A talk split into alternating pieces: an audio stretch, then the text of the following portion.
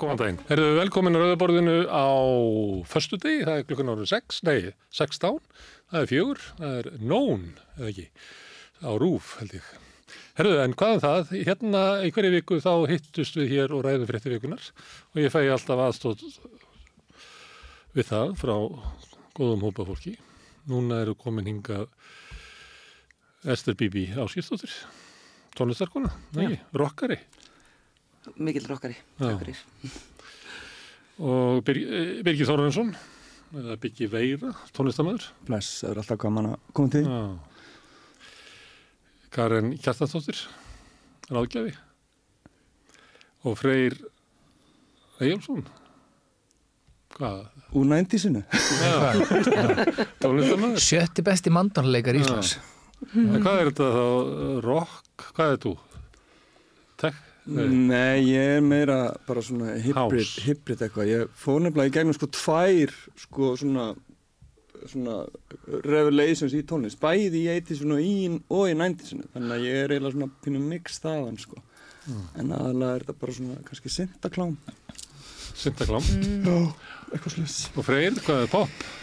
Ég er náttúrulega bara ruslakall og, og hérna svo er ég harmonikuljónsveit en ekki meira cool en það Já, það það? verður kannski næstu fjármálar á þeirra mun kannski deila með þér Og áhuga á harmonikleik, hver veit? Ég lærði það á þverflutu, Lærið það á þörflutu? Þú fengir að vera með í hljónstinni já, en ég man eftir því sko að því frænka mín spilaði líka þverflutu og ég var úslega duglega í tónfræði og nálgæðist þetta eins og stærfræði, Já. svo gleymið ég ekki ekkert þegar þá vorum að spila saman.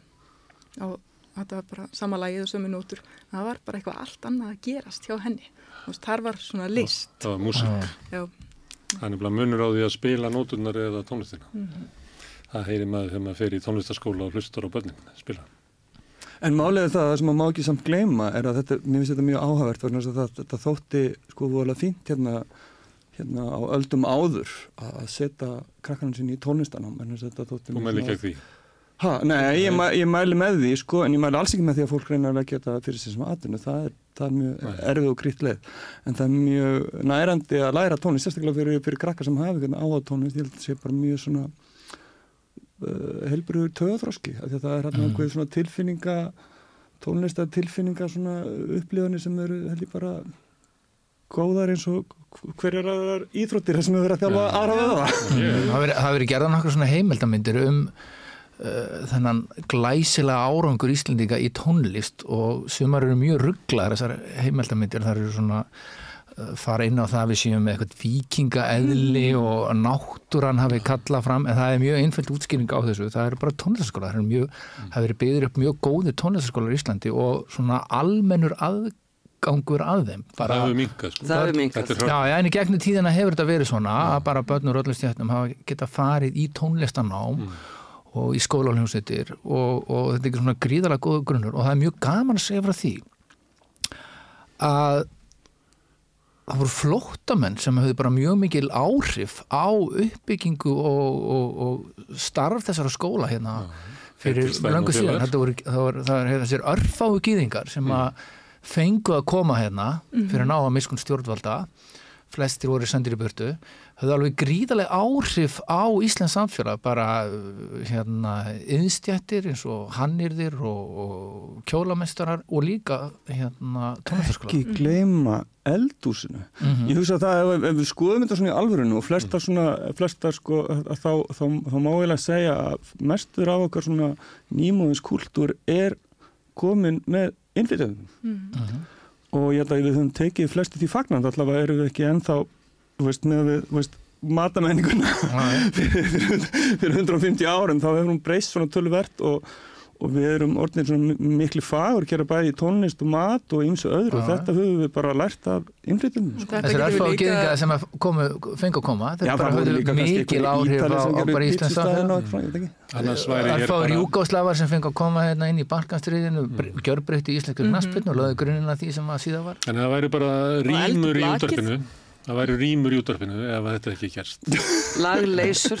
já, en ég Og við getum líka alveg farið í Íslandingarsögurnar sem er ekki beint íslenskar, þetta eru norrænar sögur og þær fjalla um ferðalögu samskipti manna á milli og, og, Já, og, og tilfærslu bara Eitt sem að... og það hefur alltaf verið bara eitt annað nefnilega sem er mjög mikilvægt í þessu er það að sko líkillina sko ég fannst þetta svo merkilegt líka að, hérna, ekkert um að vera að tala við hérna, fyrirvændi hérna, fyrirvændi sendiherran í Rússlandi og, og, hvað hann var svona að leggja áslá þar þetta var áður en þetta fyrir lengur síðan. Og hann sagði að það væri mikilvægast í raun og að rekta menningarsambandi eitthvað svona, hvað það að vera eitthvað fókus á viðskiptum og það væri rugl, skilur það, það, þú veist, trösti kemur í gegnum hitt og virðingin kemur í gegnum hitt og þá er miklu auðveldari þegar það samtali komi að ræðum eitthvað viðskipti en það byrja einhvern veginn á því bara, þú fann ég svo að fara á date og, og segja bara alltaf komið með ríða, skilur það byrja, virkar ekki þannig. Þú ert fyrst að svona, að svona nutta saman menningarheimunum og finna einhvers konar samhljóm til þess að verði svona ákveð svona tröst það, hann sá þetta þannig Þannig er Íslandikarsöðuna, það er, það er tveim menningar heimur nutta saman, það er rauninni sko lástjarnir, það eru þrælandir sem uh, voru keltar sem að kunnu skriftir og að nefna þetta. norrænu mennirni voru bara svona einhverju barbara sem Meina, hefðu aldrei skrifað niður ljóð eða sögur, það voru eigum- þrælandir og þrælastendir sem kunni þá yðna að, að búa til skinnhandrit og skrifa og setja þarna kemur eiginlega dýna sögur í- í vegna rit. þess að þess að sko, norræna goðafræðin, Ah, hún verður eftir hérna á Íslandi og þess vegna þekkjum við svona hlutafæni ennþá að því hér var fólk sem kunni að skrifa og ég meina þetta var ekki til eftir í Svíþjóð eða Noregi eða Danmörku, þetta varði eftir hér og þess vegna þekkjum við eitthvað af þessari norrænu og germönsku hefð. En þá blandast saman kristnin sagt, og, og, sagt, og þessi heiðni heimur og það verður til eitthvað merkilegt en ég meina, við þekkjum handbritin sem frá Írlandi, þau eru öll biblíusögur og frekar leiðileg en, en skriftin er það. Ágættu erum konur í eldgamla er vikunar. það að renda fréttir vikunar. Og að því að vera að tala svona um Ísland og, og kultúrin okkar að núna mátið að tala um veðrið. Það er eina fréttir vikunar. Það snjóaði Reykjavík. Það er orðið frétt. Aldrei fleiri áræktar. Umferðateppa. Ég sendi á ykkur hérna gætið ykkur á ferðinni, komið tímalega. En þetta er ekki frétt, við höfum engan á að tala um þetta. Nei, þetta kemur alltaf við og við og ég er nú bara ánað með að verið stað allavega að hafa verið eitthvað skárra snjómákstinu núna heldur en í fyrra sem fór allt í steik eh, Það mann. snjóaði ekkert svo mikið sko. Það var nú ekki eitthvað svona Nei. Ja, samt, samt, mér fannst þetta breða snögg. Reykjanesbreytin, þetta er eitthvað vola skrítið. Herðu, Anyway. að frétt ég er ánað með snjóin. já, Hann frétt, birtir til. já, frétt dagsins er niðurstaða um, í kæru Suður Afríku um sjóðamorð Íslandsmanna. Vil vera að tekja fyrir? Er búið. Já, Búið. þeim finnst þetta ekki verið neitt. Jú, já, ég er ekki sammála. Alltaf er ekki að taka þetta fyrir. Jú, þeir tók þetta fyrir og komist á niðurstu þetta, strax? já, og Þeir komum með kalla ekki eftir bráðabæra vopna og sögðu að Íslandsmenn eruðu að draga úr árásu sínum, þetta gæta því að, að þeir verði ekki að fremja þjóðamorð. Já, en báðu ekki um vopnalið, stuttu ekki Nei, vopnalið. það er ekki nefnt vopnarlega. En pallistinumenn fagnaði þessar niðurstöðu. Og Suður Afrika. líka. Og það má nú, eiginlega bara segja að þetta sé mjög snjöll laust, því auðvitað langaði allt eðlilegt fólk að heyra, kallaði eftir vopnalíðu og tafarlösu. En það, sko, ég puntaði þetta hjá mér, þannig að ég fæ að lesa þetta aldrei, því ég var svona að skoða skýringar á þessu.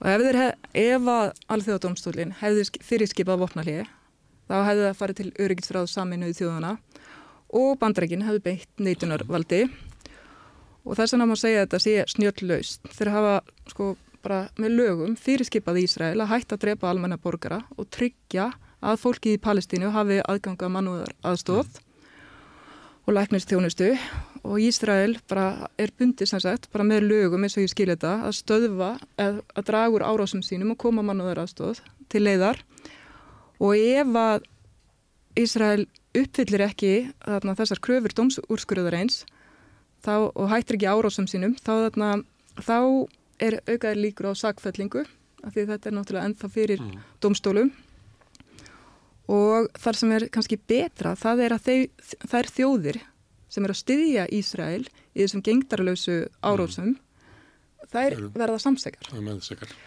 og þannig þetta er, mér finnst veist, ég segja aftur, auðvitað vildu allir heyra vopnalíði, en í þessum aðstæðum sem eru uppi, þar sem bandaríkjumenn beita neitunarvaldi svona furðulega þá held ég að þetta sé frekar góði niðurstaða. Þú er frábært að heyra, ég var ekki búin að rýna í þetta nót til þess að komast að þessari neðstu. En það vantaði domstólinn skýrði, skýrði ekki hvaða lagalegu afleðingar yrðu ef að þið fær ekki með þessu. En, þú veist, Það þau er ekki, það er Nei, ekki nei, nei, ég veit það. Er, það. er Ég gerir mig grein fyrir því en, þú veist, en þetta mál er ennþá fyrir og það er, Já, þetta er að taka fyrir og tekur líklega nokkur ár að úrskurðum hvort að þetta sé þjóðamorðið ekki, en þetta er bráðabarn nýðstöðan.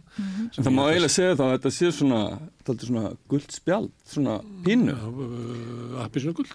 já, Já, já ég, myndi, ég sá líka að þeir sögðu að þetta halda til haga og mætti ekki eðan einum sönnunagögnum til, til þess að væri hægt að rannsaka hvað hefur gengið á þarna, þannig að það var líka mjög gott. já, og það að stuðningur vestur uh, þarna, velda Já, sé ekki jafn aðgengilegur og hann hefur verið það er náttúrulega gefur manni von já, Við lifum á svo áhugaverðum tímum, vægar sagt, Já. segjum alltaf. Sjaldan verið eins áhugaverðir. Er það kannski bara því að ég er eldast? Nei, ég held ekki, ég held að sé, þetta eru vofiðileg tímar, sko. já, já, ég held að það sé lýsingur ára mhm, Mér finnst allan að djart og mikilvægt hjá Suður Afrika að gera þetta og, og gott hjá domstólunum að taka þetta fyrir og ég hef einmitt lesið þetta líka að, að þetta sé svona daldið lúmsk og snjöll leið að fara þessa leið svo þetta fær ekki fyrir örgisræðinu vegna þess að, að þetta er mjög flókin svona diplomasja þarna er stór og sterkur bandamaður bandaríkin sem að trubla svolítið svona alla diplomasju til þess að reyna að hafa ykkur áhrif en, en hérna Til þess að eiga boltan að geta bara að fara heim og hanaði með úslitleiksins. þá er þetta alltaf stál í stál og það gengur hvorkinni rekur En, þannig en, en er það, sko, ég er bara svona að pæla eins og lins með bara femni íslendinga við að, íslenska stjórnvalda við að taka einhvers konar alvöru afstöðu sem er, þú veist, kalla eftir látið bara af almenningi.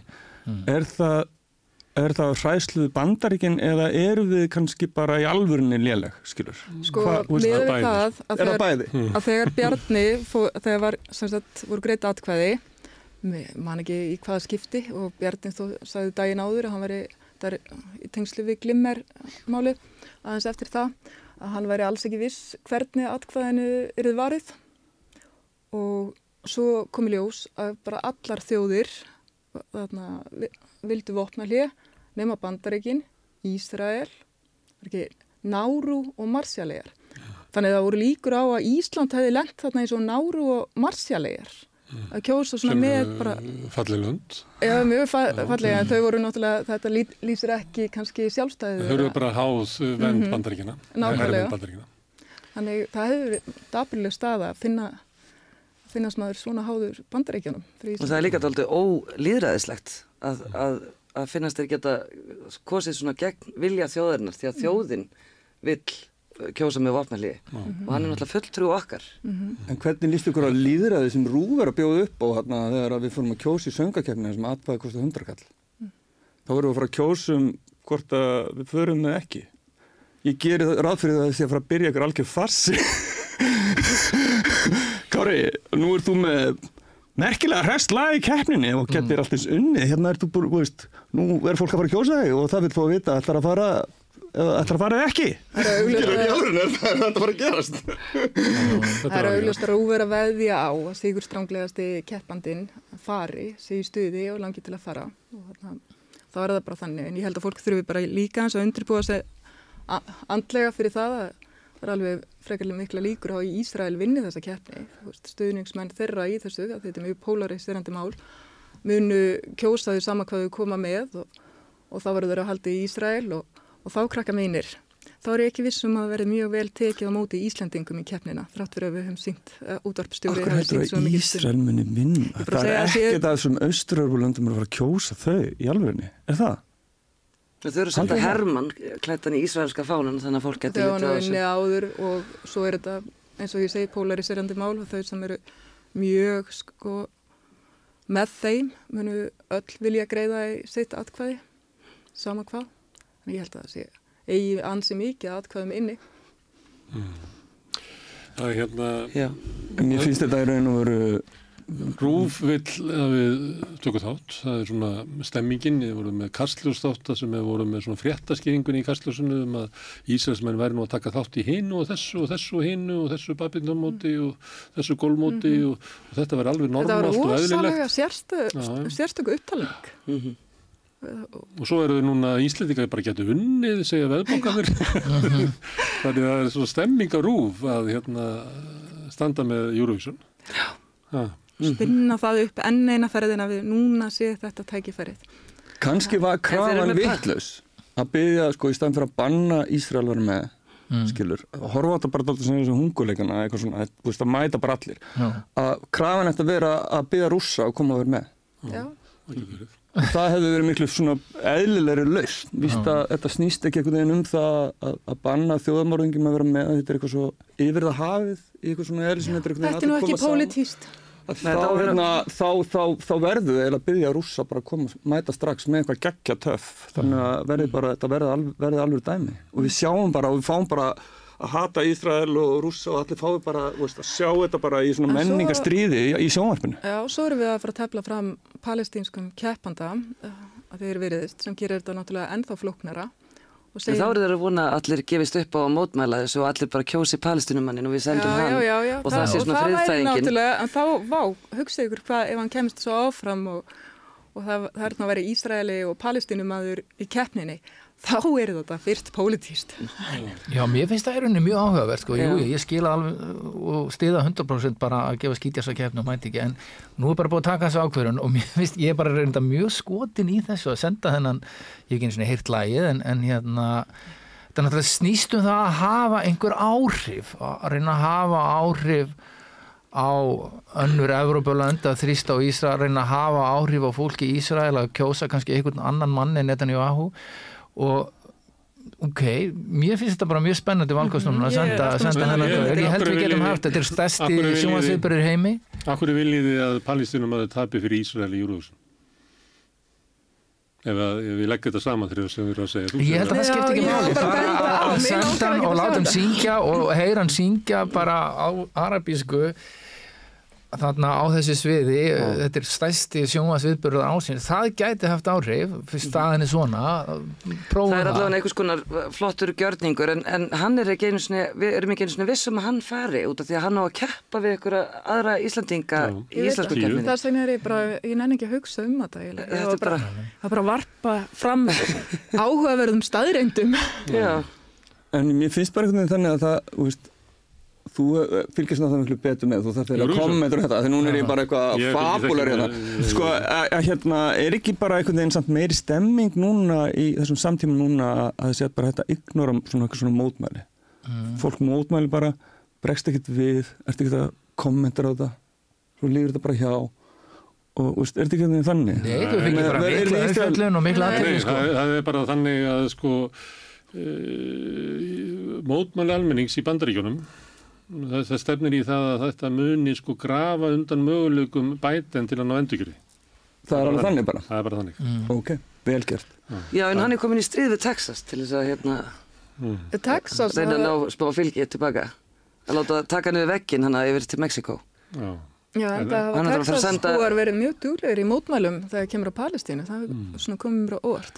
Þannig að þetta En þeir vilja er ekki taka niður veggin og ætla ekki að hlýða þannig að þá að senda herinn inn í Texas. Og sömuleiti geti þetta haft bara sambarilega áhrif á bandaríkstjórnmál og Vietnamstríð á sín tíma. Já, það verður nú, það verður nú eitthvað. Jú. Þannig að það er alls ekki þannig að mótmæli virki ekki. Ok. Mér Það finnst er þetta mjög, einmitt vera að vekja einhvern veginn mjög heilbriða kannski líraðis umræðu. Svona- Það er ofta sem að heyri það sko. já, maður mað finnur, já, Þú ert svo eitthvað mikil nýhelisti eitthvað.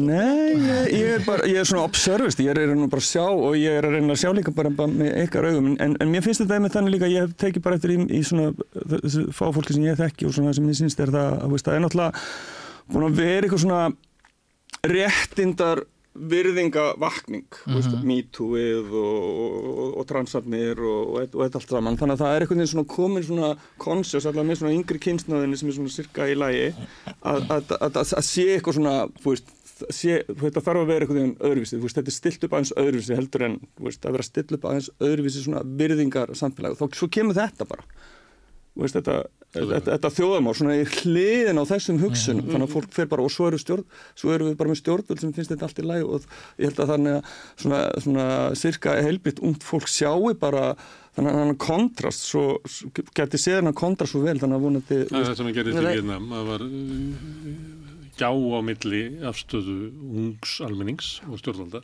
og þau upplifðu að þessi stjórnvald var ekki að sinna sínum hagsmunum, það var bara hrun í lögmæti stjórnvalda á Vesturlöndum út af Vietnamstríðinu og sömuleyti má sjá það gerast í Bandaríkjónum eða í Evrópu. Og svo maður Þetta rímar- Íraksstríðið í þessu samhengi, sko, að þannig að þó það hefði ekki verið jafn háar mótmæ, mó- mótmæli þá gróf það svo mikið undan trausti á stjórnmálum. Þegar allt kem, eða kemur bara í ljósa eða flest það sem stjórnmálamenn hafa sagt til að réttlæta þennan hrylling bara reyndist ekki rétt, var lígi og við sjáum það leipur, eða sem sagt verkamannaflokkurinn í Breitlandi, hann er rétt að hjarna við núna og það er í rauninni því þau standa fyrir tveimur slæmum kostum.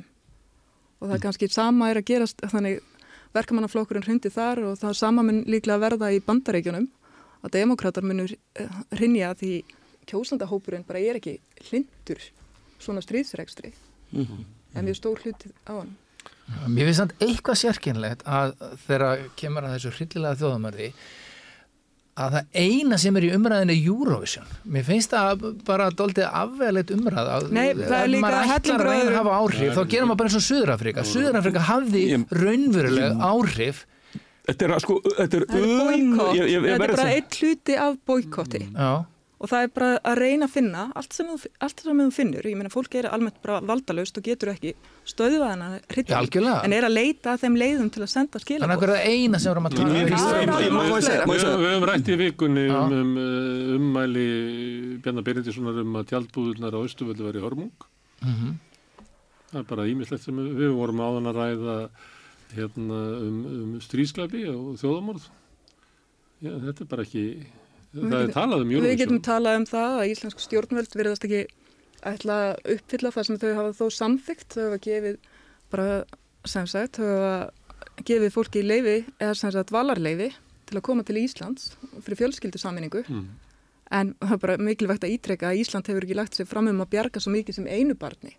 Eina manneskjan sem hefur komið frá Gaza undan farna 100 daga frá því að þetta hófst, það er asíl og það var að því Stúlkan í hólastólum. Já, Mhm. og það var að því hún var stödd í Egiptalandi og það var hægt að beita tengslum og það var almenningur sem kostaði hana hinga það var almenningur sem fann fyrir hana og bróður hennar íbúð og er að hjálpa þeim að fjármagna það. Þannig íslensku stjórnvöld hafi ekki gert neitt Nei og þau líka, það rúf og ymsir hafa farið þarna í tjöldun og rætt við hérna fólkið í tjöldunum. En enginn frá ríkistjórninni hefur farið að tala við fólkið í tjöldunum. Akkurat og þess vegna er þetta kannski svo þetta var náttúrulega svo ofbúslega ruttalegur áróður sem Bjarni kemur með þetta með helgina. Og maður veltri fyrir sér hm, var, þetta, var þetta strategísk pæling að þau voru búin að fá nýðurbroti úr síðastu könnun? Og svona veltri fyrir sér hvar að þau getur sótt atkvæði. Eða var þetta bara eitthvað svona það sem þú gerir á laugadagskvöldi og þér finnst sniðut að segja eftir þú veist nokkur léttvinsklus og Það kom mjög seint á föstaskvöldi, Já. það leit svolítið út af já, það, já? Það akkurat er eins og status frá einari Kárasinni. Já, en, en þess vegna, og svo er talað þarna um fólk, tjaldbúðurnar, valdalust fólk, sem á ekki, er ekki að byggja um neitt annað heldur en að lífi þeirra og fjölskyldum þeirra sé bjarga. Það er nú öll frekjan. Það, já, það fyrr bara hreinlega. Og þá er verið að, sko, blandar hann í þá umræðu alþjóðlegri glæpastarfsemi. Og ég tók saman tölur, má ég lesa þar upp? Vel. þarna, sem sagt, fyrir maður yfir þetta. Árið 2022 þá fengu 139 palestinu búar vernd og sama ár, og nú er ég ekki að tala, tala, gegn næsta hópi, þá fengu 2315 úkrænum búar vernd. Uh, árið eftir, 2023, fengu 137 palestinu búar vernd og sama ár fengu 1505 úkrænu búar vernd. Þannig palestinu fólk er sko, þau eru svo lítið hluti af þeim innflýtjandum sem eru að koma hingað inn og það er svo andstyggilegt og, og bara, hvað maður að segja, áráðurskjönd að vera að blanda þau, að setja þau sem einhverja sökudólka yfir einhverjum vandamálum sem eru að skapast í íslensku samfélagi út af innflýtjandum og tengja þau við ski, skiplaða glæpastarf sem við, þetta er svo skrítið Surrealísku dónaskapur. Já. Já. Já, þetta var mjög sérkynlega færsla og hérna maður er ennþá að velta af öngum yfir þessu hvort að það hefði verið bara eitthvað flip á föstudegi eða, eða mjög Það er bara ekki að þakka Bjarnar fyrir að, að leggja þetta fram. Já, það er náttúrulega í hópum. sem að byrtist þarna á sama tíma lítið ljósa að sjálfstæðismenn er að tapa fylgi yfir til miðflokksins Já, og, akkurat þess að hugsa ég, var þetta strategist, var einhver hugsun í hérna- þessu? Já, sko, sko málið er þannig að þe- þe- þetta mál allt saman með innflytjendur og þjóðurni og tungumálið og þetta allt saman og börnin manns og einhver önnu börn og aðra menningarhópa og manns eigin menningarhóp svona. Þetta mm tengist allt bara inn í mjög svona frumstæðan hluta og okkar svona tilfinninga og tögakerfi og vakna upp eitthvað svona kendir og svona og hugsanir og svona varðandi öll þessi mál og svo þarf að vera eitthvað svona meðutund sem eitthvað svona veit betur. Ég er ekki primitífur hérna í skóinum núna einhvern veginn, heldur er ég siðmentu manneskja sem er búin að fara í gennum langskólan ám og eitthvað svona og er með eitthvað samfélag sem hefur svona sett eitthvað gildi sem er aðeins level up frá þessu hér, skilur. En, svo, en pólitíkin núna virðist vera orðin þannig að þetta er einhvern veginn bara eitthvað svona vinsaldakeppni því að þetta stendur ekki til að gera neitt, skilur, það er ekki verið að gera neitt, þannig að þetta er bara eitthvað svona vinsaldakeppni, þannig að það er greinlega verið bara eitthvað svona móta, veist, það er bara svona veginn svona tilfinningar er eitthvað svona þvælast um með þessu og þetta er veginn svona svona einhvern veginn svona furðulegt svona varnar skífarandi því að það sé eitthvað svona ógn í gangi og það verið að reyna að virkja það einhvern veginn á svona og leifa því að verða einhvern veginn hálf, hálf óskipulegt og nýta sér það. Mér, mér finnst þetta einhvern veginn vera þannig, ég er ekki að segja þetta sé endilega sko, meðvitað gert, þetta er kannski bara svona, svona ómeðvitað gert, en í staðan fyrir að taka bara eitthvað konkrétt, bara leitt og ákvörnum hvernig við ætlum að standa með þessum hlutum og gera það bara einhvern alvöru röggsemi eins eins og fólk sé eitthvað alvöru, að það stendur ekki til, það stendur til bara einhvern veginn að gera ekki neitt, bara eins og útvarstjóri, við ætlum ekki að gera neitt, við ætlum bara að setja þetta, þetta mikla utareikismál bara í hendurnar á hérna hérna, veist Söngvara, átjónara söngvara sem þið eru að fara að kjósa og, og, og þið finnir út úr þessu. Þetta er bara svona, þetta er bara eins og svona já, já, já, Svo húsnæðskar, þegar- já, bara markaðan hlýtur að lista, þetta. Er bara einhvern veginn þannig, það bara, það á ekki að, taka hennar Og svo í nar- ákvörnum um siðferðan eitt, þetta er bara einhvern veginn að láta þetta fara einhvern veginn. Svo í narratífinu hjá þeim, þá eru að reyna að segja sér sjálf. Og ég tek það fram að þessi tvö ár sem ég tók dæmi um, þá var þetta óvinni mikið sem skapaðist út á svona glundröða vegna COVID. En það er líka þegar þau eru að segja, þau eru að reyna að segja sjálfum sér og öðrum að Ísland sé búið að gera meira heldur en ykkur aðrir. Og sko, svo ég tala aftur um þá e, þetta eina barn sem hingaði hefur komið frá Egiptalandi, það var það sko fyrir tilstilli Belgíu, hann komst til Evrópu, til Brussel og Ísland bara, ég veit ekki til þess að hún að, það hafi aðstofað henni í sko neinu af þessu, en ríkisborgararétturinn er vissulega lífgjöf og þess vegna verðum við að vera þakklátt einhverju, en núna strandar það af því að það er búið að gefa dvalarleifi út fyrir fjölda barna og kvenna sem eru först á gasa og þau þurfa að komast að landamærum Rafa til að geta komist yfir og geta þá bjarga sér. En það strandar af því að nöfnin eru ekki sendt til Egiptaland og þess vegna þegar sé búið að gefa út leifi hér á Íslandi þó þó þau kæmust að landamærunum með sko erðnu erfiði þá væri ekkert þar sem segði að það mætti hleypa þessu fólki áfram. Þetta er bara hræðilegt. Lélegt. Hérna, Ógeðslega, hryllilega lélegt. Og það eru svo margir sem sjá það og þetta er bara pólitíkin á Íslandi bara lélegt drasl. en það eru margir hressir yfir þessu og finnst svona, já, áfram Bjarni. Þú ert, er að að gera reyðan í hjartanu. Þú er ert, búin að finna fólkið sem líklega hefur látið mér líða illa ég akkurat. til í þetta er Seljum hérna- Íslandsbanka fyrir Já. grindviking. Það var könnun á maskinu sem að sjálfstæðarflokkur aldrei mælst uh, veikari, 6,6% og miðflokkurinn með 11,8%. Já, Þannig að miðflokkurinn er svona 70 pluss prósent af sjálfstæðarflokknum. Það geti, eftir þrjár mánuði geti þetta orðið jafnstóri flokkar. Sko Bjarni maður- Þegar nafnið minn hafi gert rátt með að skipta. Bjarni var búin að vera óvenju, óvenju pyrraður sko, síðastliða ár en hann náði pyrringurinn hámarki og maður sko, er eiginlega ennþá fyrður lostin yfir þessari fæslu það, þessi skoðana konun gæti útskýrt eitthvað og, og svona einhver armur í sko. sjálfstæðarflokk sem hefur þrýst á hann að ná. Já, já, hann hefur örgulega vitað af en það var þessum nýbúið að koma 17% af könnun Já, sko. já, þetta Já, var já. líka helgin, eða það er föstudagurinn áður en hérna fyrir mánudaginn þar sem að allt stemdi í vandrust og svandísi. Ég veit á, það stemdi bara í því að ríkistjónin myndi springa í loftu búið af einhverjum einum kvalviðbát þannig að hérna, það var svona þetta er leit líka út fyrir það að hann væri bara að fara að, að, að þrusa af staði í kostningaslag Mm. Þetta er óverðingu um Íslands stjórnmál, svolítið. En svo, þú veist, að því að, veist, Bjarni Bæn er engin einn vanviti í stjórnmálum og hann veit alveg að það er bara stjórnarskrána var í réttur að fá að mótmæla og, og, og bara réttur sveitarfélaga til að bara taka ákvarðanir sko. Algjörlega og, og bara heilagur réttur í stjórnarskrána að fá að mótmæla og ekkert við það aðtöfa þannig Mhm. að sé fólk að mótmæla. En ég fann mjög mikið til bara með að ég var mikið af góðum vinnum í sjálfstæðisflokknum og, bara hef aldrei verið svo típa sem vaknar eitthvað upp og eitthvað illa við sjálfstæðisflokkin eða eitthvað fólk almennt. En ég finn bara óskaplega til með þeim þegar manni finnst, þú veist, Birgir Þóraensson og Ásmundur Friðriksson orðinir helstu hugsuður og svona hugmyndasnir flokksins. Það var bara svona Já, ég formaður og svo finn ég líka svo mikið til með þeim þegar ég hugsa um nýju grásrótina ég, því ég var að skoða kommentin hjá fólki Mm. til að minnst það var viðtal við ungan mann sem var búin að missa öll börnin sín og konuna sína. Og dóttirinn hafi dáið eftir kvalræði að höfumeðslum og það var ekki hægt að hjálpa henni að koma með deyfili. Og ég fylgist með einhverjum hópum sem þarna eru bara á opnum veggjum á Facebook að hæðast að þessu manni og ég hugsaði er þetta nýtt fólk í grásrót sjálfstæðisflokksins bara þvílík þvílíkur Og hrylling hvað heldur að þetta fólk hafi kosið hinga til? Ég já Ef við ímynda bara 1970, 1980, Já, já. 90, 2000 sjáttalógin. já, já. Ég, ég, ég ætla að segja þannig með fylgið í konunni að þá er samanlagt fylgi miðflokksins og sjáttalóksins 28,4%. Svo er ég með hérna, þetta nær aftur til mars 2022, þess að nætti tvö ári aftur í tíman, þá var samanlagt fylgi í þessara flokka 28,8%. Þannig að það breytist ekkert, þetta er bara sami, sömu 28% Mm. og er ykkur ekki alveg saman hvort það kýs miðflokkin eða sjáttalókin? Það er bara 28% af fólki sem er svona cirka þarna. já en Sigmundur sko ekki, þegar ég er að fylgjast með Sigmundur það hefur kannski meiri ánægju svona, að að fylgjast með honum að því að það er meiri húmor í honum Hann er bara gladur, hann er á upplið. Já, já. er fúll að þennan á niðurlið.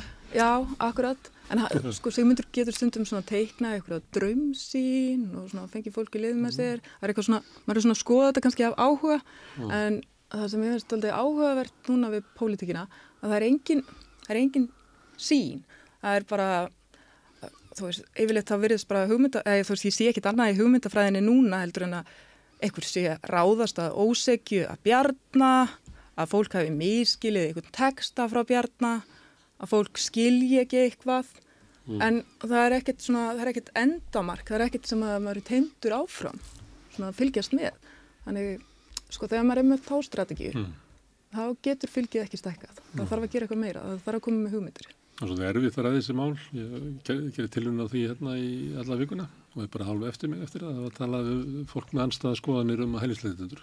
Mm -hmm. Rosalur hitti í þessu umræði. Ég veit bara ekki hvaða umræða gæti orðið til þess að fólk væri að deila aft hart og hér hefur verið gert í vikunni. Nei, þetta er eins og við segja, eins og við erum að tala um það, þetta er rosalega, þetta er bara mjög erfitt mál fyrir samfélag sem er einhvern veginn uh, bara eins og Íslendingar með einhvern veginn já, mjög hérna mikla þörf fyrir eitthvað svona skýra sjálfsmynd og, og við hefum einhvern veginn verið að reyna að verja hann í gennum tíðina með því að halda rosalega vel upp á málið og hampa menningun og eitthvað svona og vera voða, mikið einhvern veginn að að- að ha- hampa okkur einhvern veginn skilur. Og svo er eitthvað tilfinning fyrir því að, að, að, að þetta sé veist, mikið og þessi mikið að breytast. Og það er kannski alveg svona aðrir þættir sem eru líka í leginu, leskilningur að fara niður og málið einhvern veginn og svo, Já. það, er veginn svona, bara, svona alls konar í loftinu, bara svona hættumerki og þetta bregst bara venjulegt fólk sem er ekkert eitthvað, eitthvað, kannski endilega eitthvað djúft hugsi og rosalega búið að vera í einhverju svona grúpum að ræða einhvern veginn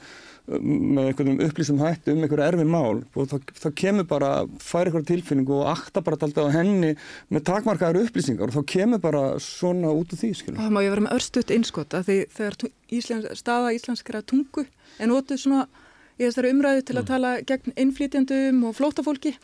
Sko ég veit ekki til þess að því nú er mjög mikið pól- pólverum hér í landi að íslensk tunga hefði smitast mikið af pólsku og þó að það væri bara kannski kærkomið.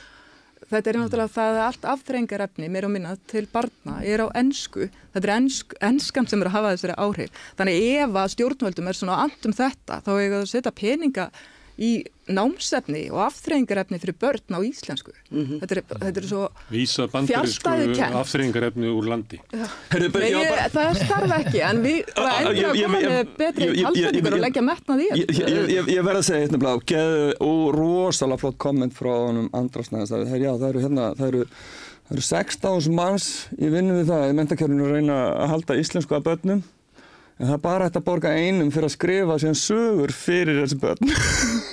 Það var bara, bara einn sem fekk hérna eða stuðnist rítvöndurlaun til þess að bú, búið til einn skilur. Nei, nei. og það er rosalega sorglegt þetta er svona hreinn og beitt populismi að, að tala um innflytjendur og flóttamenn sem einhverja glæpamenn. Og veist, ég hérna hefur ekki svo heppin að fá að kenna hérna flóttamenn, ég er sjálfbáðulega á Rauðakrassunum kenna uh, flóttamennum íslensku.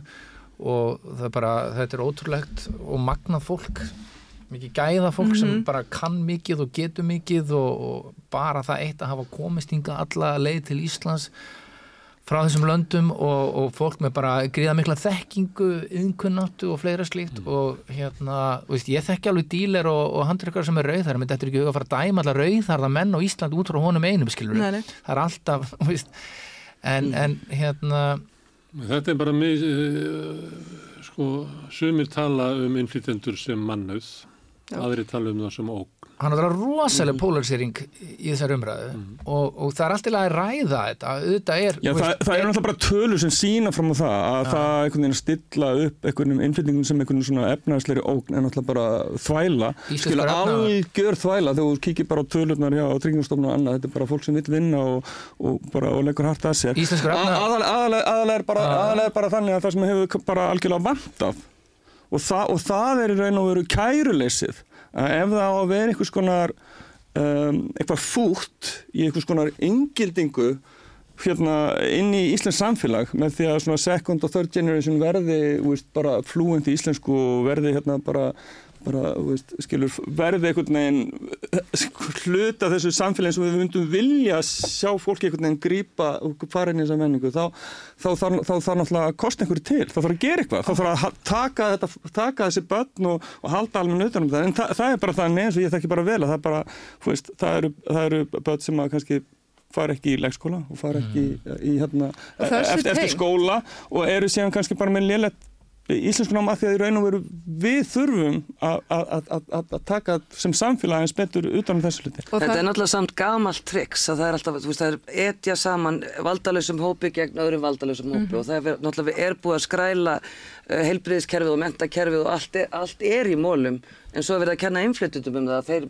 auki álægið í þessi kerfi og það er náttúrulega bara, og þá verður allir og svo eru öryrkjar og aðrir annað fátækt fólk verður reitt út í útlendinga af því að þeim finnst þau eins og þau sé að uh, þurfa að deila sömu kökunni eða sömu milstónum og allt þetta og etja fólki á móti eða, veist, einum hópa á móti öðrum. En þess vegna held ég sko að tjaldið hefur farið svo ofbáslega í taugarnar á mörgum að því þarna það verður til svo mikil samkjönd, fólk kynnist, uh, þetta valdalösa fólk, það fer tengslanett, uh, trans samfélagið á Íslandi og hins eginn samfélagið umvafðið þennan hóp þannig að það verður svona algjör sko inngilding begja vegna, þú veist, bá, báðir ræð, læra af hverju öðrum, uh, fólk er að borða saman og elda, þú veist, hittast annar staðar, allt í einu, þú veist, ég var passa, passa börn í gær, þú veist, frá fólki sem þessu tengdust, allt í einu fáðu svona einhvern stuðning.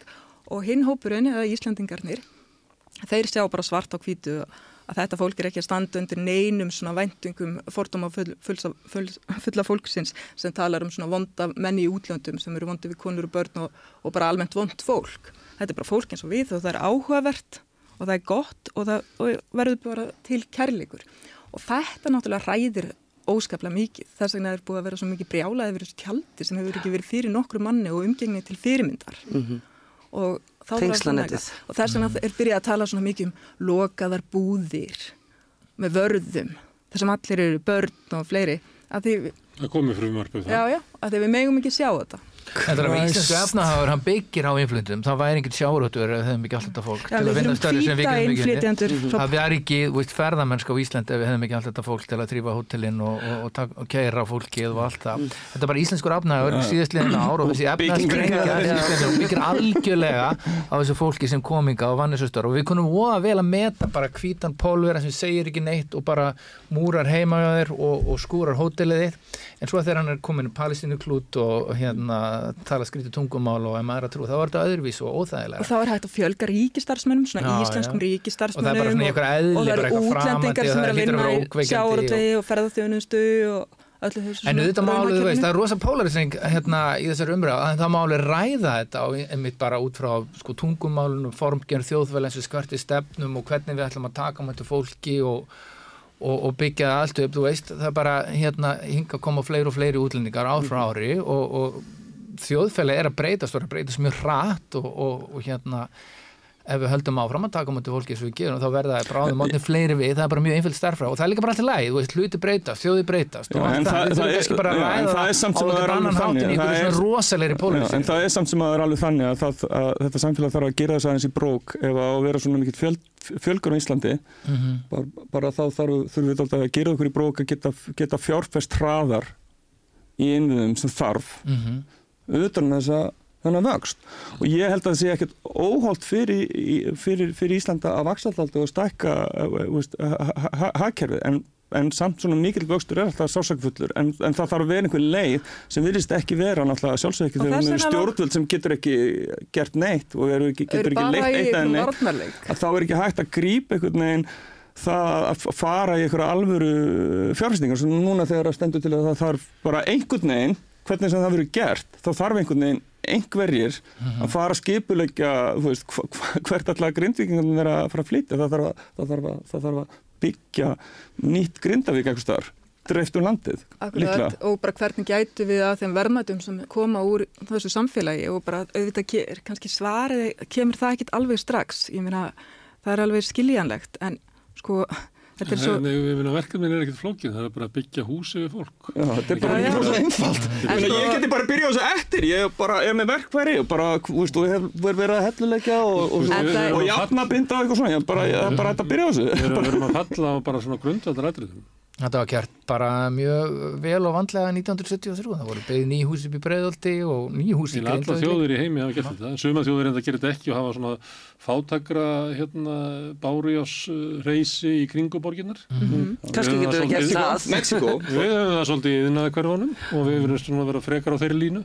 Þetta er líka, ég fá eitthvað sem talar um sko, hvernig við komum í veg fyrir þetta góða samfélag sko, sem ég þekki, ég að það leysist algjörlega upp. Sko, það er margt sem hefur verið velgert. Það er búið að dreifa börnunum hérna víða um borg, en það er margt sem þarf að laga og huga.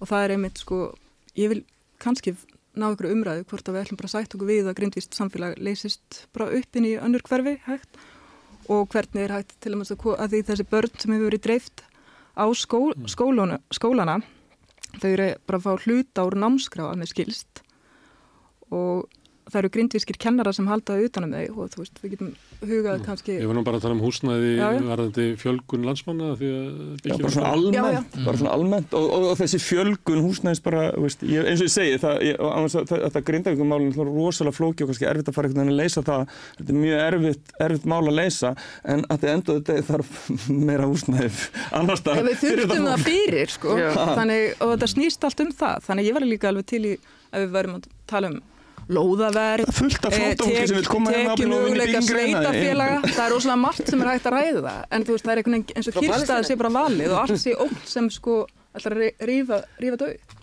Það held ég að sé- svolítið stort atriði varðandi innflytjendur. Að það er fólk sem að lítur á innflytjendur sem mannöð og séður að tala um að verkefni sé að tryggja það að þau komist inn í Íslands samfélag, verði ekki skilin eftir sem ykkur lástitt sem að tala valla íslensku og börnið þeirra komist ekki í gegnum skóla og falla út úr framhalskóla eins og raunin er núna. Já.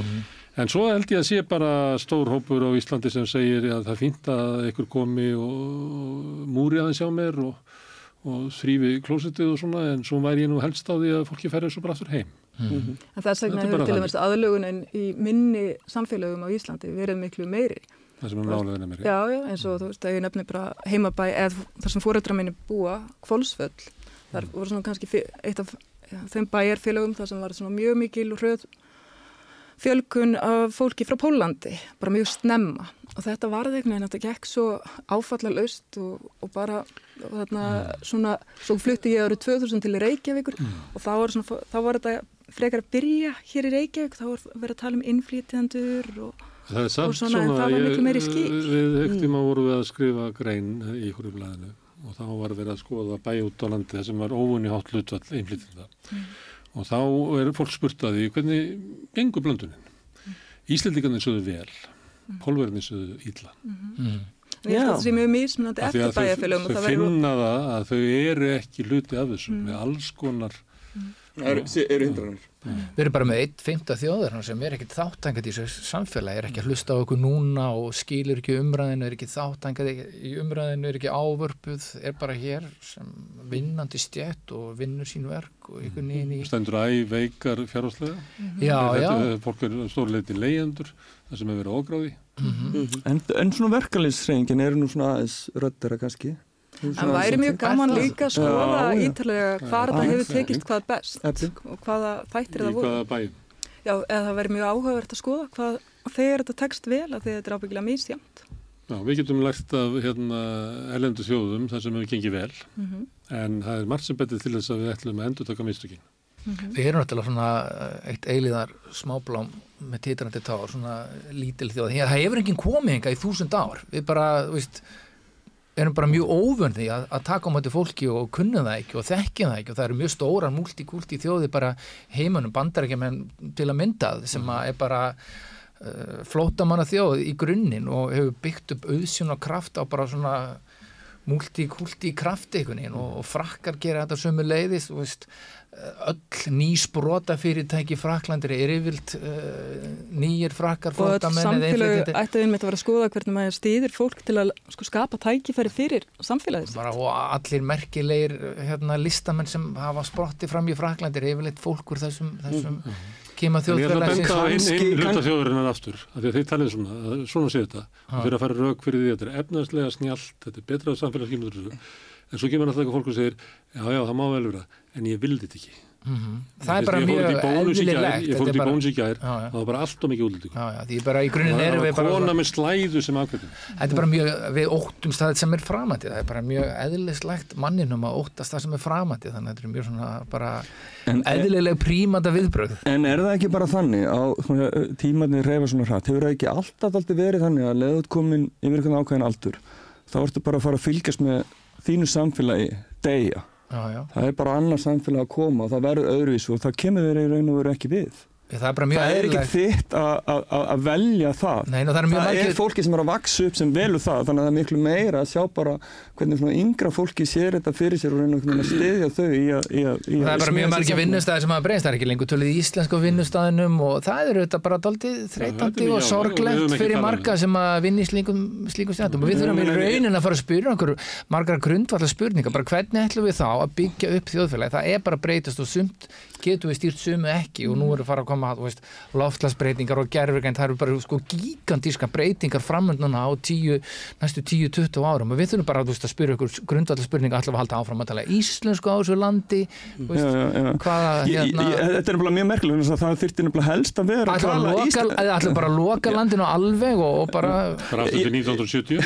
Má maður segja, það er vegna þess að sko það sem við þurfum kannski helst að hafa vel íslen, íslensku mælandi fólk er í þjónustustörfunum en þar er En, en sko forritar og eitthvað sem er eitthvað svona baku tjöldin þeir þurfa ekki að tala endala góða íslensku. En akkurat eins og þú segja, maður fyrir á veitingahús og það, maður þarf mjög líklega að tala ensku skilur, ef maður er alltaf að panta kaffi. Já, já, og svo- annað, þetta, þetta, þetta er svona mjög áhverð að fylgjast með þessu.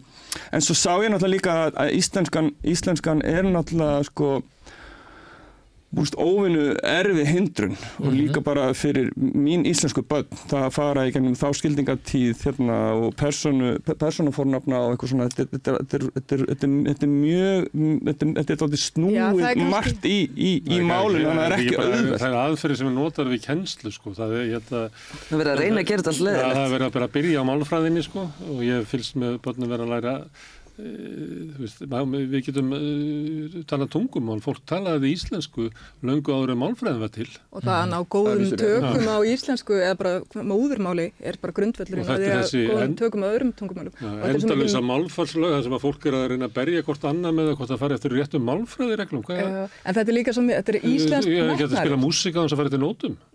Jú, eins og má minn sem er hér í íslensku á þess að fara nokkuð tíminn eftir málflóksreglum. Já, en þú ert alltaf neldun, niður sko, þú ert ekki margtækur í umræðinu og þú ert neldun niður Já, á Facebook og í umræðu þáttum Þess vegna gefast ef útlendingar. þú segir og ert mér lang. langar og þá ert ekki margtækur og allt sem þú segir er vitlaust og rangt og, og vitlaust af því að þú segir mér langar En þetta er einmitt bara okkar, þú veist, það getur enginn bara haft áhrif á þetta nema bara íslensku mælandi fólk. Þetta getur aldrei verið ábyrð innflytjanda að huga þessu, þetta er metnaður.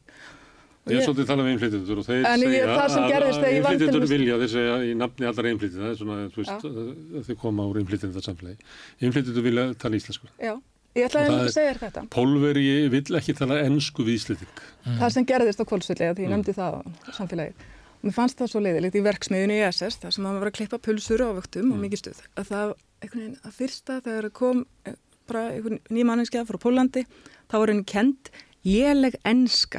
Og svo voru allir pólverðinni farnir að tala svona lé- lélega ensku með íslenskum hreim í staðis bara að hafa notað íslensku orðin í upphafi. Mm. Og þetta er ekki þeim að kenna, þetta er fólkinu sem talaði við þau og kendi þau. áhugavert Það er líka annað þegar við erum að tala svolítið um þetta að það verður að tala um að fjölgi svo hratt en ég held að það sé svolítið skekkið þessu af því að við segjum veist 3% fjölgun það er náttúrulega fáhært sko. Ef svíi myndi allt inn í fjölga um 3% einu ári.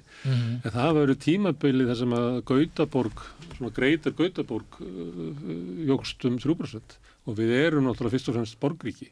Þannig að þessi vöxtur er á engan hátt óeðlur og við, það, svona mun borgríkið Ísland vaksa ef því gengur vel. Og margt sem bendir til þess. Við erum, mm. erum með alveg e, svona mörguleiti einstaka stöðu eftir svona breytingu á heiminum sko, við erum ekki útnári lengur Mhm. Það er Ég eiginlega- Það er nú aldeilis að taka til í sveita stjórnastíðinu og búa bara til Reykjanes Metropól og bara að hugsa bara inn í lengri framtíð að verði bara eitt, eitt almennlega stórborgarsvæði sem er svona að hugsa sem einn held í staðan fyrir þetta en, en, en, en, en bytlingakultúr sem þessi sveitastjórnir sem er sko algjörlega að geta þetta samfélag innan á spillingu. En ég var að nefna þetta vegna þess að ég held að sko útlendingum eftir að fjölga á Íslandi næstu árin og áratugina. Mhm. ég held það líka að ég held nefnilega að- ef að Við verðum að ákveða hvernig ætlum við að hafa þetta. Mhm. Ætlum við að vera með göttubardagi hennar á göttu af því að við þólum ekki það að sé ómikið útlendingum í bónus. eða Mm, og fengi eftir að, eftir að sko hamfara flótamenn fara af stað vegna þess að hérna, það er bara stór, stór, stór svæði á jörðinu sem er að verða hérna það er ekki hægt að lifa það lengur vegna hitta þú veist það er núna, það er 50 stegi hitti núna bara í Ástralíu, sko það við þess bara náðan og, og, og, og svona getur þú bara farið land og landi, það sem er orðið óbyggilegt og þetta fólk er að færa sér bara norðar og norðar og norðar. Og, og það er bara, þetta verður áður gest í sögunni bara að við erum alltaf að færa okkur til á jörðinni við, hérna, þessar mannveru sem búum á þessara plánutu og það er bara mjög eðlilegt. Veðri breytist og, og það er þetta mjög óeðlilegt núna hvernig veðri er að breytast en, en þetta er að gerast og mun gerast og er að fara að gerast mjög hratt og við þurfum bara að hugsa hvernig við gerum þetta. Hvað gerum við ef við verum miljón árið 2045? og Grindavík minnur okkur líka það. verður bara að styrkja sveitastjórnastíð. Já, Grindavík minnur okkur líka það að við getum sjálf orðið flóttamenn það, við búum hérna bara á mjög hættulegri eldfjallegju og það, bara, það er mjög lítið að gerast þannig að við séum öll orðin grindingu og þurfum bara hreinlega að Það fara er kannski hérna gott að hafa það bak á- við eira, það er kannski mildar uh, hérna, Ég, ég, Við þurfum okkar gagnvart já, öðrum. einmitt, og ég held að sé nefnilega rosalega mikilvægt að skilja það nákvæmlega svo að segja þegar við erum bara að fara inn í daldi að hardcore tíma í tengstum um því þessi lofslastmál og, hérna, og þetta snýst einmitt um það hvernig ætlum við einhvern veginn að að nálgast uh, veist, þessa erfileika sem að pólitíkin ætlar ekki að, að, að hérna, einhvern veginn að geta höndlað og við erum að fara bara inn í einhverja katastrófu. Er einmitt að það verður eitthvað svona menningar ko- kontrast, en ég held að sé bara rosalega mikilvægt að reyna að nálgast að þannig bara að, veist, þetta er bara hluti af breytingum sem að verða til góðs ef það eru nálgast þannig að við séum að reyna að virkja veist, það, það góða sem kemur út úr samröfum mm -hmm. við, og við höfum orðið vitnum því í íslenska menningu að þegar að koma erlend áhrif að þau verða til góðs að það bara vera einhvern veginn meðutundum að virkja þannig samröfna í þá áttina í staðin fyrir að reyna að virkja hann í einhver átök eins og virðist vera daldið Að, pælingin hjá, hjá, hjá, hjá stjórnvöldum að á mál séu van, sko, að það séu nálgast mál með ykkur lausnir, með ykkur hugssjón eða hugmyndir, en ekki einhvern veginn af endalusir í gremju og óta eins og bara mér finnst Það eina sem er uppi Þetta er ekki núna. góð leiðsögn í lífinu, gremja á. Ég, þarna, ég náttúrulega hef komið að mö- mörgum svona krísum Já, og ég get sagt það að ef að það stýrir fyrr þá fer ekki vel. það fyrir ekki vel. Nei. Nei, en þú veist, multikulti er alltaf átök það er bara veginn Það verður bara skemmtilegt verkefni, nóg að gera, bara gaman að Já, þessu, Ísland er vinnusamt fólk, við bara förum bara í þetta verkefni og leysum þetta, það verður bara skemmtilegt. að segja það. Fórseti? fórseti? Er bara- Multikulti multikulti er alltaf bara átök er fórsendabreitinga og hérna við, við búum ekki í staðnaðri killátti tröð, þá bara deyra allt. Við þurfum að, hérna, við þurfum alveg að- en það er að nálgast átöngin rétt og Ég, ég held að eðlilega. það sé bara rosalega mikilvægt að, að, að svona yngra fólk sem kannski sér framtíðina vera daldið sína, ekki þeirra sem eru eldri og eru að deyja.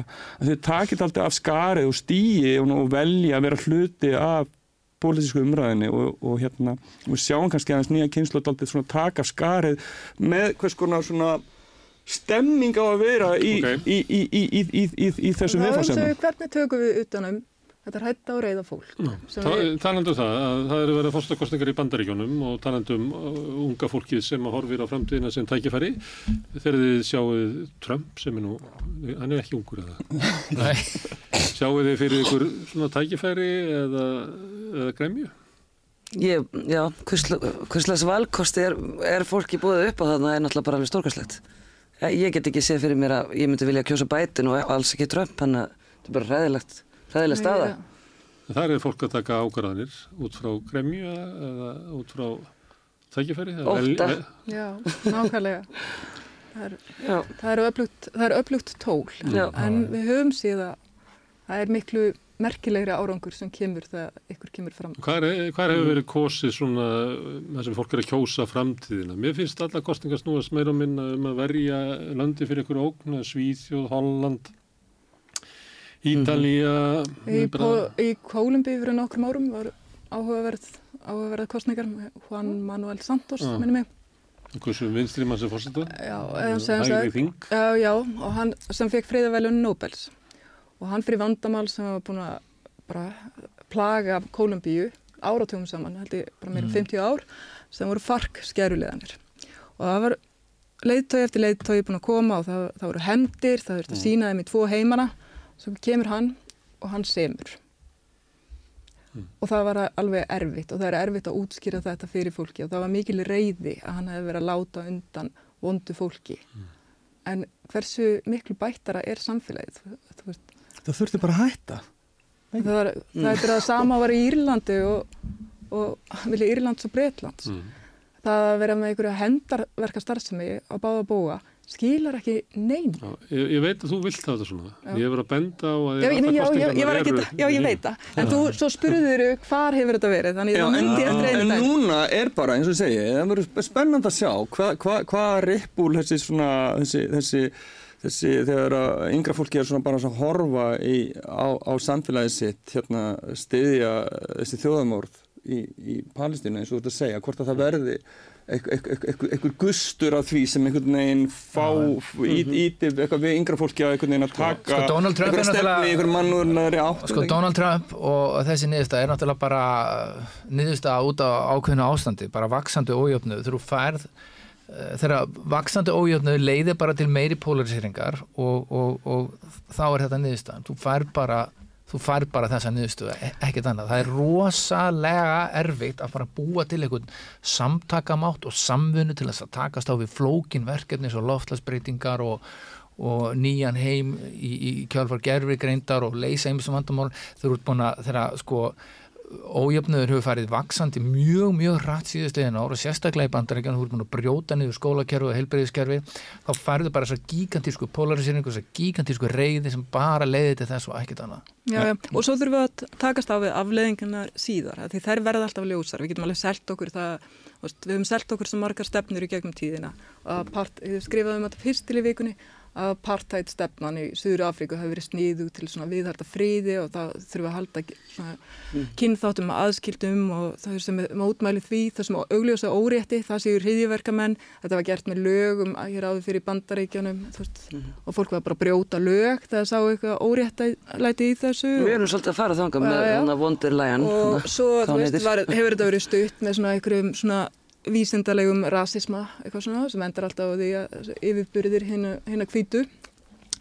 Og en þannig að þetta já, svo ég nefni annars sem reytengist ekki kynþáttum, þú veist, stalinismin sem byggði svona óskaplega fallegri draumsýn, bara jafnrétt og bræðralag, en kostaði sem miklar fórnir. Og þú veist, allt þetta sagan sýnir okkur síðar. Þetta er rangt, þetta er óréttlætanlegt og þetta stendst bara enga skoðun síðar. Þau geta reynt þetta núna og þau munir reyna þetta núna og við erum líklega Hvað, að þess að uh, stefnur? stefnur og þegar við reynum að selja okkur að eitthvað sé, þegar við erum að gera eitthvað sem algjörlega brýtur gegn öllu innra með okkur. maðurinn uh, getur hérna réttlætt uh, ó- ódæði sem hann er að gera Já. með alls konar fagugala. Já, Það bara, og það erum við að gera núna, en við eigum eftir að horfast í augu við þetta eftir nokkur ár. En ég skil ekki alveg ef að hérna, ef að ómenni notar hérna eitthvað fagurgala Mm til þess að réttlætta ódæði sitt. -hmm. Viltu ekki fordæma hérna, ódæðismannin heldur fagurgalan? Það sem hann sagði? Jú, jú, ég skil ekki hvernig þú Nei, ekki, ef, ef, ef, ef, það voru ef framdir alveg stórkostlega glæpir í nafni bara Chris, Nei, ég er að tala, já, ég er einmitt, ég er, en ég var að... ef að Stalin fremur ódæði og var... skreiti sem einhver Það- Já, sósælismann. Nei, ég, nei ég, ég er að forða með útæðisverkin. Ég, það voru þau, en ég er að segja að það er hægt að skreita þau með ímsu. það- Það er, og, allir eru með sjálfsréttlætingu. Já, og já, akkurat. Og, það, og þetta, Því meira sem að þú brýtur af í því sterkari, er sjálfsréttlæti. Nei, En mér finnst einhvern veginn að það eru svo mikil átök allstaðar og bara varðandi allt. Og það mér finnst alltaf að eitthvað svona algjör klopningur varðandi bara langflest mál og það er einhvern veginn engin á miðjunni, það er bara ekki til neitt svæði á miðjunni. Og sem að kallar á svakalega átök bara varðandi alla skapaða hluti. Og mér finnst það vera svolítið stemmingin í dag og svolítið vera það sem er svolítið búið að láta settla áfram inn í alla umræðu og samfélagið. Þannig að þú veist átökin eru kaosið sem að Mm, leifir óbreyttu ástandi bara að sigra allt meðan við rífumst um lit á sokkum eða akkurat og þess vegna þó, þó maður, mann langi það ekki alltaf. Og velti ég líka fyrir mér, hvernig er hægt að nálgast þetta fólk sem er ofbáslega reitt og hrætt og tilbúið að stökkva Við verðum að sýna þeim samkennd líka. Mælskubröð, já, einmitt hvernig er hægt að nálgast það þannig og, og vera saman í liði bara með breyta einhverjum. flæsafléttunum á rú til dæmis bara í eitthvað aðeins uppbygglara eitthvað svona, það er bara, þetta er bara sperrt. Hvernig, hvernig stemmingu stillur upp og hvernig, sko, og hvort þú sért eitthvað að ljúga eða hvort þú sért að En reyna að horfa á hlutina eins erfiður að þeir eru en með jákvæm og bjarsínum En auðum, þetta er fyrst bara þannig en það er náttúrulega bara að vera að stilla upp og búa til polarisering og það er bara það sem er búið að vera. Og vegna er fyrsta Það er bara skrifið að það sem þessi það. samfélagsmiðlar eru, eru hanna þetta að gera, Já. bara að, að bubla fólk upp í, í meiri polariseringu og það er bara, það, það verður það sem er erfitt að eiga við. Og mjög sorglegt þegar að sko, þegar að sko fjölmiðlar sem er einhvern veginn að gefa sér út fyrir að vera einhvern veginn aðri rugglinu á, á hérna samfélagsmiðlunum séu vera að taka þátt í því sama. En þess vegna þegar fyrsta skrifið er bara að hugsa, heyrðu, þetta er, er manneskja, henni líður illa, hún er hrætt.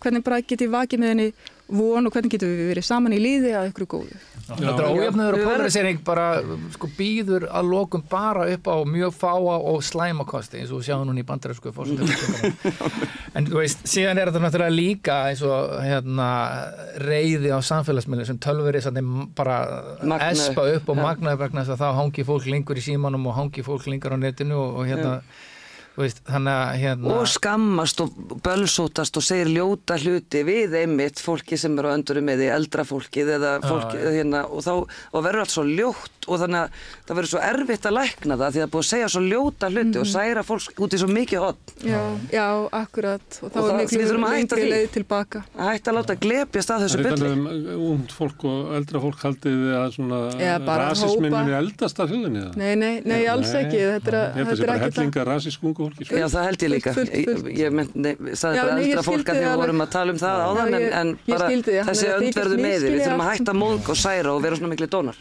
Akkurat. Ég hef hitt, hitt mér og ég bjóði bandaríkjum, ég hef hitt fólk, bara svona reitt fólk sem stiður Trump og það bara, þegar maður sest niður með þau og tala við það, bara koma bara mjög einhvern veginn, maður skilur það maður skilur út á hverju, það kýsur Trump það er bara, þetta er fólk sem að fær ekki vinnu það, það hefur ekki rödd, það er ekki að hlusta á það kerfið hefur algjörlega bröðist í og, og það hefur enga trú á kerfinu og, og, ja, og Trump er bara fingurinn á establishmenti sem það Já. getur kosið Akkurat, ef þú vilt eitthvað pönki þetta því að það er ekki eins og þið fáið neitt út úr hinum gæjanum heldur.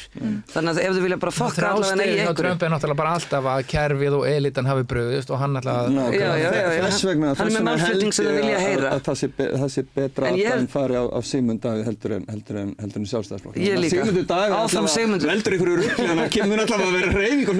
en, að að sjálfstæðsflokkurinn er bara viðhald eitthvað döða Já, nei og Biden, ég hef ekki satt sko, ég var, ég, na, auðvitað vildi maður að Biden inni síðast, en ég veit ekki núna, Þú ég, myndir meni, svo Trump frekar að bæta. Já, ég, held að sko Trump hafi minni áhuga á stríðsrekstri og ég byndi mikla vonir við það. Ég hugsa að það sé verði verið fyrir bandaríkin eða verið fyrir bandaríkin að fá Trump en betra fyrir heiminn. Mm.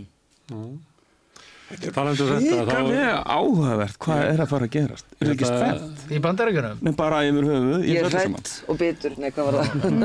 Gremja. Gremja, ég grön. fyrir- rest. Um að gera bara njóta. Ég er þetta að spá í því, ég er þetta að spá í því. Ég held að, ég er þetta að spá því hérna nú að að Nikki Haley verði næsti fórsetið bandaríkjuna Hún er hún ekki búin að... Hún er- er hún ekki peningana? Nei, sko, það er bara ennþá það mörg mál í gangi gegn Trump og, og við hefum eftir að sjá sko, nýðustu hastarast varðandi hérna Maine og Colorado. Hann eh, síðan er að. Sveifluríkin eftir en, en sko stæsta málið er náttúrulega skattamálið í New York. Og það er mjög umfangsmikið og stórt. Og ef hann verður dæmdu þar þá eru fjársegnuna þar stórar. Hann á mjög erfitt með að fara hreinlega í kostningabaratu og Trump-veldið er sko gæti næstjóður gjaldtrótt ef hann tapar því máli. Vá. og eitt, sem bandarækjum með taka mjög alvarlega og það er, það er skattur Hann er ekkert að fara að borga þetta Donald, sjálfur. Það er hérna, einhverju Al Capone sem háðir myrti honum. fólk og stundaði glæpi hann var aldrei, aldrei dæmdur að setja í fangisi fyrir hérna, morð eða ofbeldisglæpi hann fór í fangisi fyrir skatt og, og nú sko eru menn að horfa til New York að, að þar geti Trump verið dæmdur og, og reynlega sko uh, mist alla peninga og fjármæk til að fara í kostningar og svo er hann orðin mjög bara tæpur hann er, hann er orðin kalkar og rugglar og Það er engin fyrirstæði í bandaríkjunum. Nei, nei, en, en ég spáði því að, að það, gerist einhver anskotin í sumar, það geti, þetta, þetta er New York geti gerist, hann á eftir að detta út, hann er, hann er svo tæpur, þetta er svo tæft En hvað voru Haley að pæla? Og, og, og tekur þetta.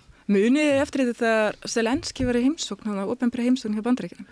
Þetta var eins og hann hefði heimsótt öldrunar heimili. Já. Sjáðu að Halt, en ég vil ekki vera með aldursfóldóma en þetta var mjög sérstakt sko.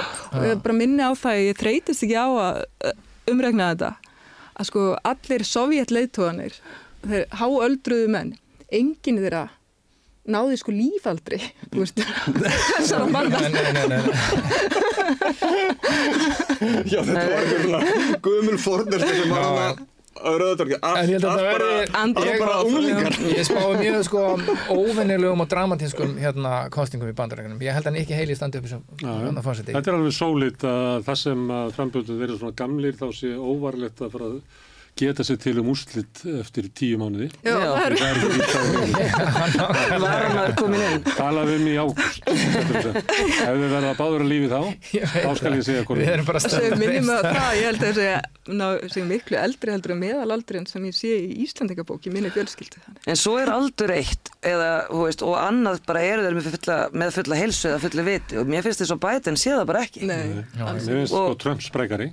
Já, hann er aðeins sprækari. Já. Svo gerist bara margt dóni. bara á, á sama tíma, þú veist, 1992, þá var hérna George W. Bush bara fórsetið bandarækana mjög örugan, hann var með 84% atkvæða og Bill Clinton var bara settu fram af, af demokrandum vegna þess að að enginn bara nefndi að reyna að fara á móti George W. Bush en síðan bara vinnur Clinton mjög óvænt, þú veist, hlutir breytist mjög hratt og, um- og þetta er bara gest þú veist, oft í bandaræsku fórsetikostningum, Oft bara svona- hlutir breytast mjög hratt á síðustu stundu. Pínulegli hlutir, ég man alltaf eftir Hillary Clinton þegar hún var á móti Trump síðast. Mm. rasaði hann einhvern veginn svona réttur í kostningar mælingar voru sína bara mjög gott gengi og þú veist, margir bjart sínir og ég man, þetta var rosalega svona gamlu konulegt. Og ég get svarað að þá hugsa og það voru fleiri sem sögðu þetta þá er þetta búið, þá er þetta nei þannig, að þetta er ekki kona sem ég treysti þetta er gömul og viðkvæm kona. Mm -hmm. við þurfum sterkan kall Við getum alveg bara verið með allir heimilið nema þessi kona, þá er séum Draugamerkin þar. að bandagjamenn séu frekar til í eldgamla kall heldur en eldgamla konu já, já. Er Það er náttúrulega ekki til í konu, það verður ekki. Nei, nei, það er, hann Það er full björnsinn Sko allavega er það þannig að, að hérna, með svona framtíðsinn Jótarovski þar sem þetta verður allt saman svona korporasi og, og, hérna, og hérna, líðræði verður bara eitthvað svona farsi þá er náttúrulega miklu skemmtilega veist, ef við ráðum ekki neinu að hafa bara svona Trump sem er allavega svona gerist eitthvað skemmtilegt til þess að fylgjast með. Biden Já. er ekki skemmtilegur skilur, þannig að ef, ef við erum að fara í það að líðræði sé bara eitthvað svona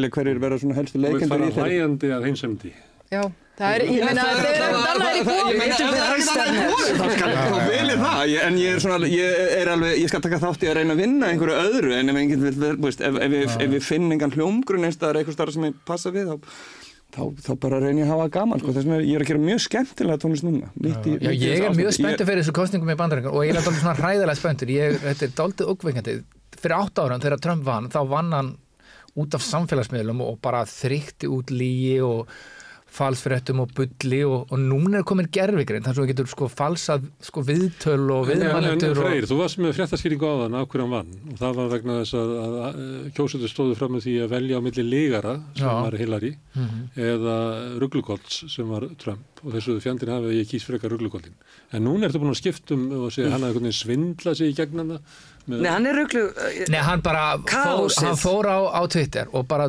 dundraði út staðhengum sem uh, bara voru reynir bein lígi Rugglukollast, hann fór að rugglukollast, það var svipað á Bjarni Ben. Sem að hafði aldrei raun í, sko, sést í jafn miklu mæli í kostningum áður en, en þetta á virkaði. Þetta virkaði. Og bara fólk kausan og bara sannleikurinn var afstæður og, og fólk gætt valið sér sannleika og bara ákvað þú veist, en núna erum við komin með gerfegrindan í ofanlega þess að við getur valdið ennþá meiri kás og ennþá meiri rugglingi og ennþá meiri samstæðarskenning og bulli og við getur skálda viðtöl og, En þeir eru og, bara þegar að því, skilur Þetta er bara, við erum alltaf kappin í að- kæftæði Já, þannig að þá, þá kemur þetta bara að því í raun og veru þegar, þegar svona venlöld fólk reynir einhvern veginn að reyna að skilja þetta. Já, já. þetta er bara einhver farsi sem er sko, það er enginlega að vita fá botni eitt eða neitt þetta er bara einhver steik, þá verður þetta bara farsi, þá ertu bara að taka þáttið kostning til að hafa gaman, kýstu bara eitthvað þessi nú fyndin, þessi er rosa sætt þetta fer þá bara Það í alvöru samfélagsmiðla hafa rugglað mjög mikið í kostningum og það er að leiðandi líðræðin og ég held að gerfigreindin eftir að gera ennþá meira. áhugavert Einn áriðin eru þau að þá upplifir fólk að stjórnmál séu bara eitthvað rugg og komið mér ekki við og ég mæti ekki að kjösta. já, ég er dálítið bara núna þangað, sko fyrstu svona Er þú þar? Já, það er svona komið, ja, bara eins og við vorum að lýsa, maður er finnst maður dálítið á leiðinni til heimsend, á heimsenda og þú veist maður er svona, já, þessi er aðeins fyndnari. Sigmundur Davíð, hann hefur húmor og þarna, Maður er líka bara eins og ekki íslensku- íslensku þetta fólk, eru þau að, að, að starfa eftir einhverjum prinsipum, fara þau eftir einhverju stefnusgrá, eru þau að starfa í umbóðið sinna kjósenda eða gera þau bara það sem þeim sýnist eða helst ekki neitt og það er svolítið stemmingin bara og eins og það er núna mér létjandi hérna, Mhm. bara hérna fyrst í leikluti í íslensku fórsetakostningana þetta er bara orðið eitthvað svona fyndið og gaman og, ekki trúðalæti og, Ætlið ekki að kjósa fórsta? Nei, þetta er bara núna, fyrstu vikunar, þetta er bara eitthvað trúðalæti þetta er bara orðið eitthvað er framboði. Þetta er bara líðræðið og það er að bjóða sér fram. Jú, jú, vissulega Það tröfla mig ekki þátt að bjóða sér fram. Ég þarf ekki að kjósa. Nei, nei, nákvæmlega Þú mátt alveg bjóða fram, Freyr. Já, já Ég skal kjósa þig en mér langar samt að Nei, taka mér finnst þetta einhvern veginn að þú veist, við erum ekki saman í einhverju svona fjölskyldubóði og þú veist, ó, er ástór að bjóða sér fram og, og á maður að fara eitthvað í panik við því, hann má bara bjóða sér fram ef hann vill. Já, já, Þú mér veist, Þetta þarf ekki að vera svona settlegt og fínt. Nei, nei, það er alveg reynd Mér langar bara samt að segja þetta því að það er verið að tala um eitthvað svona hlæjandinn í heimsindar og svona því að ég sé þetta ekki þannig sko. ég sé þetta bara þannig að við erum bara sem sko mannlegt samfélag búin að vera í eitthvað svona uppgangi fara eitthvað upp og sérstaklega kannski vestransamfélag á eitthvað, svona siðferðilegan topp orðinni við, við, við, svona, við, við svona ímyndinu svo en núna er bara ákveð svona hrun í gangi og það eru bara veist, það, það, það er bara framöndan bara bara töluvert sko bara eins og með lofslagsmálun og annað þetta, þetta verður kannski alltaf hellað skilur. Þetta verður kannski, það gerist kannski eitthvað í alvörun þetta aldrei hellað og erfitt. En það að það sé eitthvað svona heimsendir eða mannkynning Ok, eitthvað degi út og eitthvað svona það er bara, það held ég að sé bara rugg við erum alltaf að fara að lifa af, við verum að nálgast þetta eins og við sem að fara í bara í gegnum þetta svona erfitt þroskaferli. Og þetta sé í raun og veru bara þannig. Þetta er bara, þetta Nýðandi verður og svo erfitt. tekur endurreisnin við. Eitthvað, eitthvað þannig, þú veist, þannig að það þarf bara að reyna að halda þá til haga því sem er, er dýrmætt og reyna svona að halda því að lofti í gegnum þessar hörmungar bara og ekki gefast upp, þetta verður þú veist, þetta skánar einhvern tíman Það er eitt sem að hann fara að. Það er eitt sem hann Það fara er, lífin það er allir farnir úr rútunum þinni.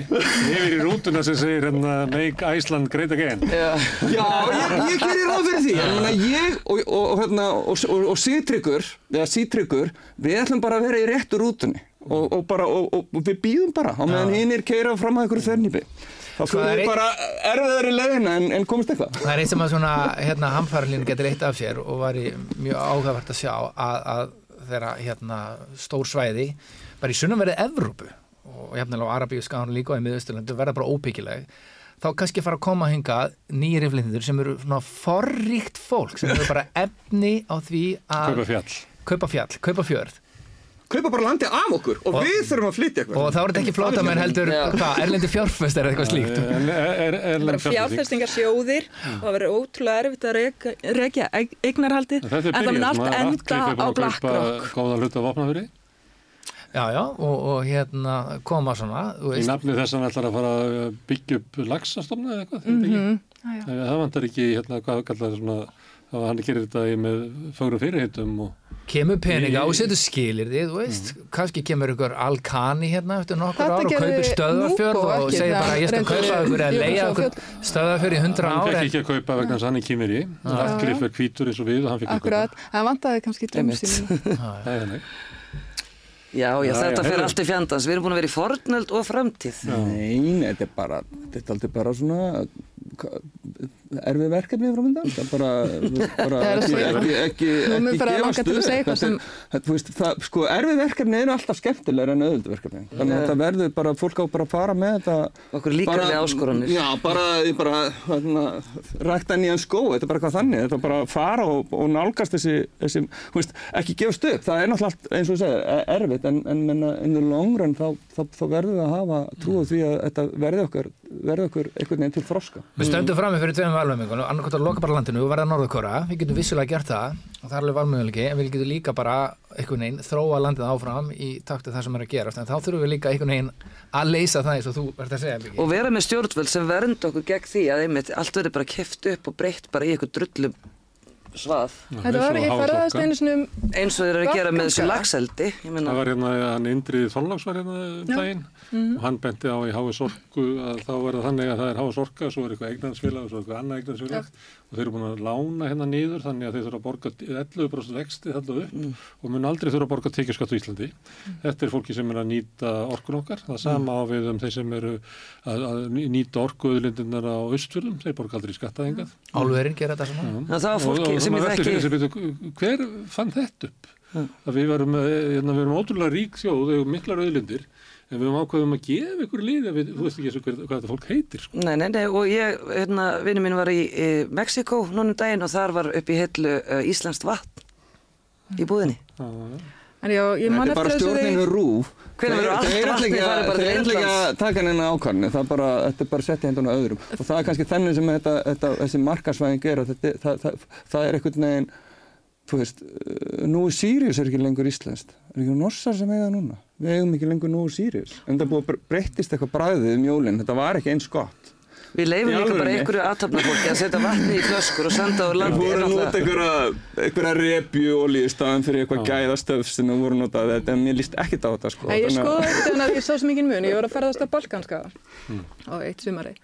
Og mér fannst allt svo geggjað þarna í Króatíu og langaði til að kaupa einhverja gamlar júkoslavneskar sumarbúðir og gera upp.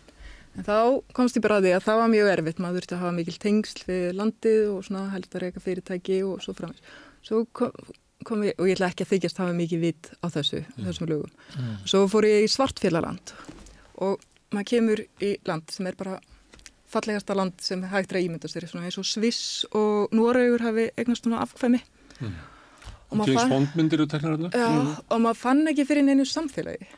Að því þú veist, þeir eru bara eitthvað 600.000, innviðinir voru svo þandir, maður hitt aldrei neitt frá svartfjallalandi, þegar maður einu snið á löpuðu fjölskyldan inn á einhvern stað og að vísað út bara því þau voru orðin svo þreytt, þetta er náttúrulega við kótorflóa þar sem við vorum, þar sem koma stærstu skemmtifærðarskip sem hægt er að ímynda sér bara stöðugt. Og þar er líka, þar skildist mér að þessi búið að kaupa allt meira og minna upp í samfélaginu svona, sem sé bara að hendi ykkur að fjárfesta á útlendinga. En náttúrulega ekki að- að þykist hafa djúft, já, djúft vita þessu en það er bara, ma- ég fann þetta mjög stærst. Já, vonandi fer ekki svona fyrir okkur en það er allt útlitt fyrir að þannig færi fyrir okkur. Svo bjóða okkur að ræða íslenska landsliði í handbólta. Hvað er þetta langur þáttur? Ég er bara að spjú- bjóða okkur hérna upp á smárétt í lókin og bjóða okkur að ræða um handbóltalandsliði. Mér fannst þetta bara fínt, þeir unnu þrjáleiki, töpuðu þreymur að gera eitt jafntöfli og bara, ég ger ekkert meiri væntingar, þú veist, þetta er bara ágættislið Það og svo 16. sæti í finnst þessi dramatík orðin Þetta einu var alveg svo júru sem við unnum þetta fyrir fram og svo já. lent við sagt þessu.